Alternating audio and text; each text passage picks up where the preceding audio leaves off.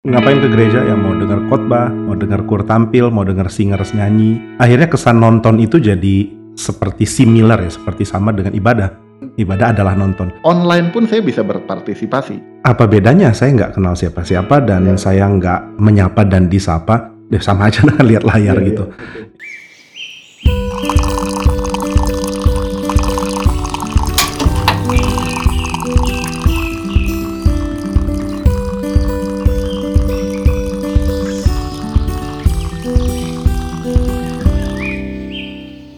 Selamat pagi Pak Jimmy. Pagi Pak Ya kita ngobrol-ngobrol ada satu tema menarik, satu kondisi yang terjadi di mana-mana, terutama di masa pandemi ini. Ada yang bilang post pandemi, orang-orang lebih senang melakukannya secara online, kerja secara online, meeting secara online, tapi termasuk ibadah secara online. Ya karena kemarin kan ketika pandemi sedang tinggi ya mau nggak mau kita mesti tinggal di rumah dan nggak Ya. ada opsi selain akses tanda kutip ibadah ya lewat online. Ya. Cuma pengertian ibadah itu sendiri kan bukan seperti kita nonton dan kadang-kadang orang punya konsep nonton gitu. Ngapain ke gereja ya mau dengar khotbah, mau dengar kur tampil, mau dengar singers nyanyi. Akhirnya kesan nonton itu jadi seperti similar ya, seperti sama dengan ibadah. Ibadah adalah nonton. Dan karena itu adalah oke kalau nonton itu ditampilkan di layar gitu kan. Ya. Jadi saya akses lewat YouTube kah atau lewat Zoom, saya lagi ibadah karena saya lagi nonton tampilan di mimbar. Padahal kan bukan itu ya, ibadah itu ada partisipasi kita gitu. Jadi Hmm. kita datang, kita hadir bersama-sama di tempat yang kita tahu Tuhan mau kita ada di situ Ya. dan kita beribadah. Jadi unsur nonton dan unsur ibadah ini dua hal yang harusnya nggak bisa identik. Ada satu kata yang menarik, partisipasi ya. Ya berarti kita hadir pasti Hmm. Terus waktu doa kita ikut doa, waktu memuji Tuhan kita ikut memuji Tuhan. Ya. Waktu mendengar firman kita berespons dengan Hmm. berpikir kah atau dengan mengucapkan amin atau Ya. apa pun. Lalu kita juga berbagian di dalam misalnya memberikan persembahan dan uh, hadir untuk menikmati Tuhan hadir lewat pelayanan dari orang-orang yang sedang melayani. Entah itu hamba Tuhan berkhotbah atau pemusik yang mengiringi kita menyanyi. Nah ini Ya. kan berarti semua berpartisipasi, semua Ya. berbagian. Ya. Jadi kehadiran fisik nggak bisa nggak ada sebenarnya. Ya, tapi banyak yang beralasan Pak, bahwa online pun saya bisa berpartisipasi. Saya menyanyi ketika online, saya menyaksikan, saya berdoa juga ketika online. Ya, partisipasi syarat awal kan hadir. Jadi kayaknya Ya, itu ya. nggak bisa digantikan. Saya berpartisipasi dalam menyanyi, dalam memberikan persembahan, tapi nggak sebagai komunitas kan. Hanya Hmm. ada saya dan mungkin laptop saya atau smart TV saya dan itu hardly bisa disebut partisipasi sebenarnya. Gini ya, Hmm. saya sih nggak mengatakan bahwa waktu masa pandemi kita nggak bisa lakukan. Ya. Kita tahu ada banyak hal di dalam masa darurat yang kita nggak bisa kerjakan secara biasa kan, dan Hmm. ya itu kita okekan lah. Kan setelah pandemi mereda kita berharap bisa ada uh, back kembali ke Ya. keadaan biasa dong. Tapi ada argumen juga seperti ini Pak Jimmy. Ibadah online itu jauh lebih efisien Pak. Secara waktu. Makanya konsep kita tentang ibadah itu yang mesti diubah kan. Kalau ibadah Hmm. itu adalah nonton ya, ini adalah versi efisiennya gitu. Ya. Saya nonton orang khotbah, saya nonton orang nyanyi dan saya bisa take part juga lah bisa nyanyi kayak di karaoke gitu. Ya, orang betul. tampilkan musik dan saya nyanyi.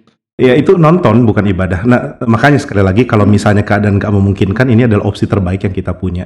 Ya. Tapi ketika keadaan sudah memungkinkan ini pasti opsi buruk kalau dibandingkan dengan opsi yang lain. Hmm. Misalnya waktu pemerintah bilang nggak boleh keluar rumah, ya, Ya. gimana dong? Ya. Inilah the best option gitu. Liatin pendeta di kalau Ya. istilahnya Carl Truman alat untuk flattening the preacher gitu. Ya.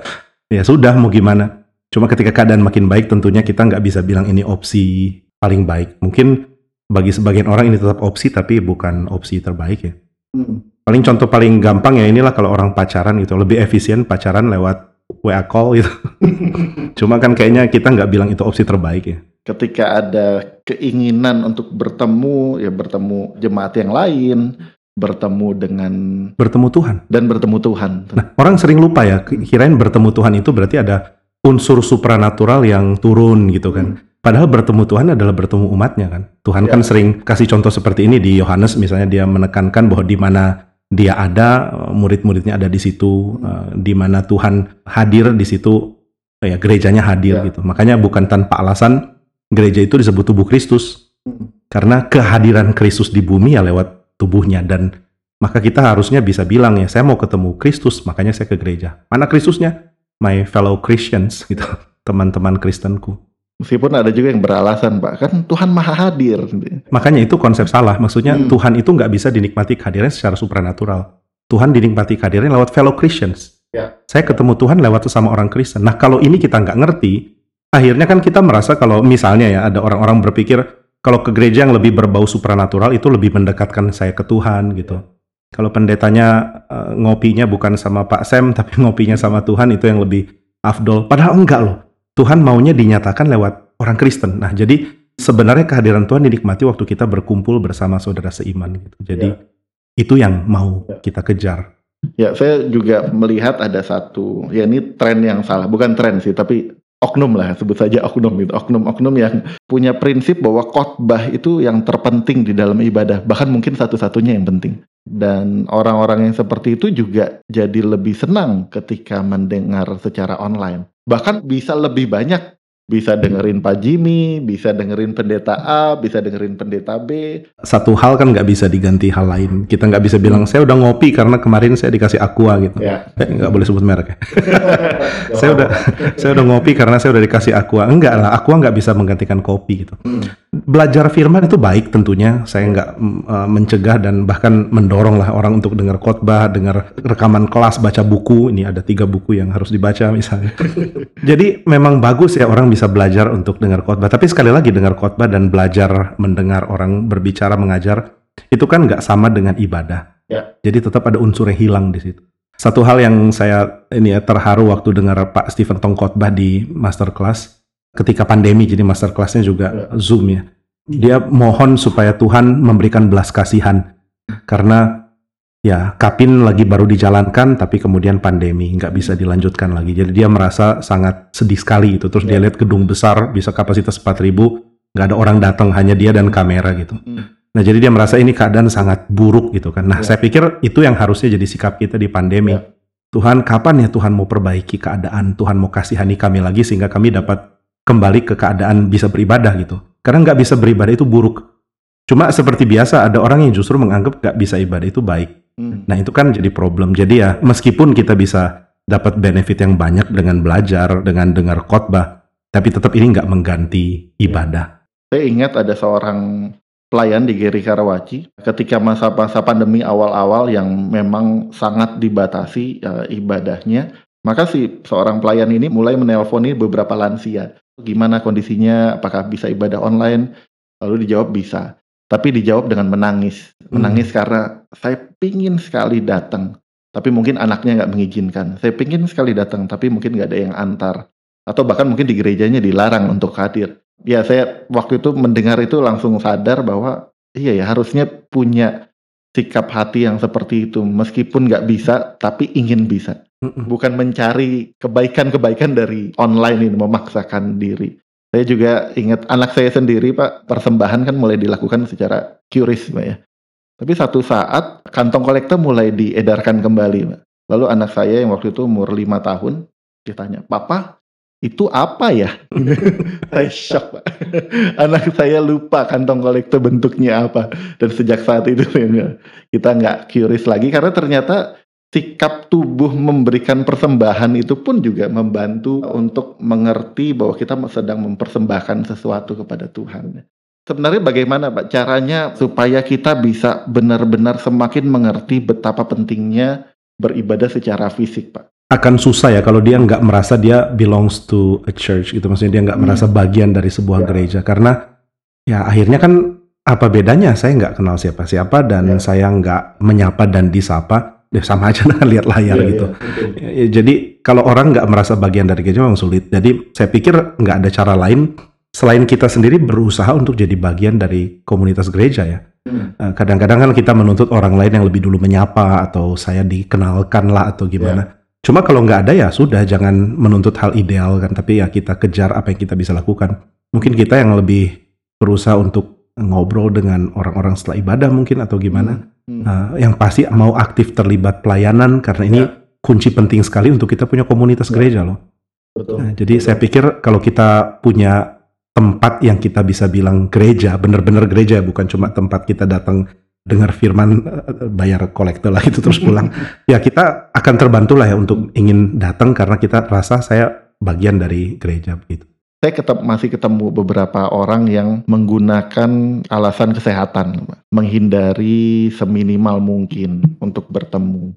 Kayaknya ada problem yang lebih perlu disoroti ya, maksudnya perasaan takut untuk keluar, takut untuk ketemu itu benar-benar membuat orang hidupnya sangat terkurung sih menurut saya. Hmm. Jadi Hmm. ya kasihan sekali lah gitu misalnya Ya. ketika seseorang itu nggak bisa apa atau nggak berani untuk uh, mengekspos dirinya keluar karena kita nggak bisa nggak loh kita mesti uh, keluar dari rumah kita mesti ketemu Ya. orang kita mesti kerja bersosialisasi dan saya pikir ini semua yang membuat manusia hidup gitu jadi Hmm. kayaknya pilihan mematikan kehidupan demi bertahan hidup itu kasihan gitu jadi saya pikir kalau ada orang dalam keadaan ini ya dia perlu ditolong maksudnya perlu ada orang ajak ngobrol perlu disemangati untuk uh, mengambil langkah untuk berani gitu Ya. beribadah. Ini bukan berani karena mau menantang maut atau apa ya, cuma Iya. Keamanan dengan cara mengurung diri itu keamanan yang diperoleh dengan kehilangan hidup sebenarnya. Dan bukan berarti ketika dia di rumah maka tidak ada risiko-risiko lainnya. Kalau ngomongin risiko ya tetap ada. Tetap ya. ada, ya. Apa pun, apa pun itu dari berbagai macam hal.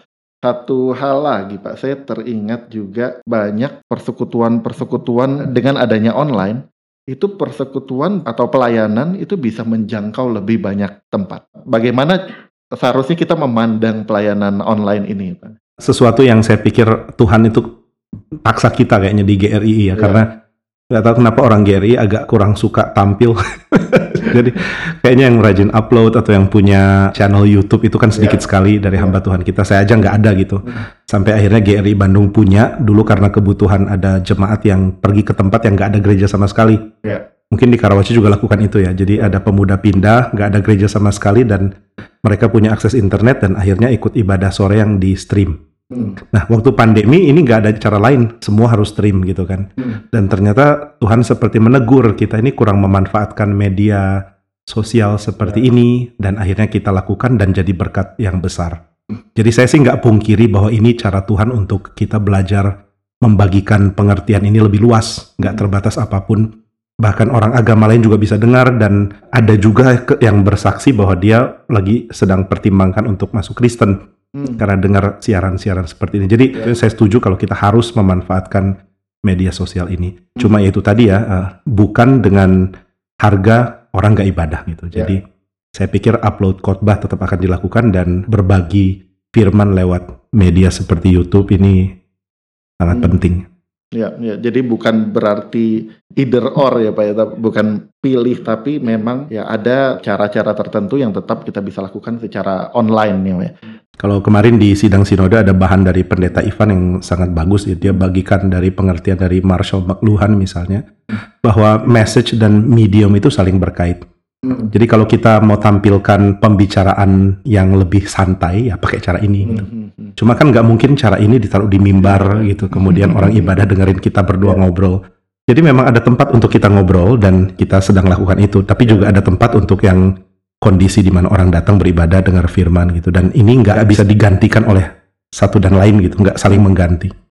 Saudara-saudara di rumah juga bisa komen di dalam sosial media yang saudara-saudara sedang saksikan. Bagaimana saudara-saudara sendiri menyikapi ibadah online dan ibadah fisik. Terakhir Pak Jimmy mungkin ada pesan atau pengingat yang terpenting untuk kita benar-benar bisa menyadari pentingnya beribadah secara fisik. Dua hal sih ya. Jadi kita berusaha juga menyadari kekuatan dari social media. Saya ingat jauh sebelum pandemi itu pendeta Billy Kristanto kan bikin channel. Ya. Bikin channel dia lalu dia dorong kita, kamu juga dong bikin. Dulu katanya reformasi itu memanfaatkan printing press gitu kan, mesin cetak dan printing Ya. press untuk menyebarkan idenya. Sekarang kita ada internet, pakai dong. Hmm. Terus bilang, oke, oke, oke.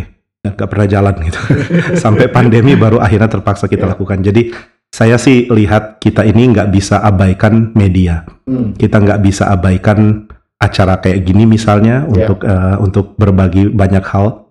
Tapi sekali lagi ini bukan ibadah sehingga meskipun saya sangat dukung orang membagikan banyak hal lewat media seperti ini, tapi ibadah nggak bisa diganti dengan ini. Itu jadi Ya. kayaknya ini yang kesimpulan. Thank you Pak Jimmy. Thank you Pak Sam. Uh, kita akhiri obrolan morning coffee kita saat ini dan nantikan terus obrolan morning coffee berikutnya.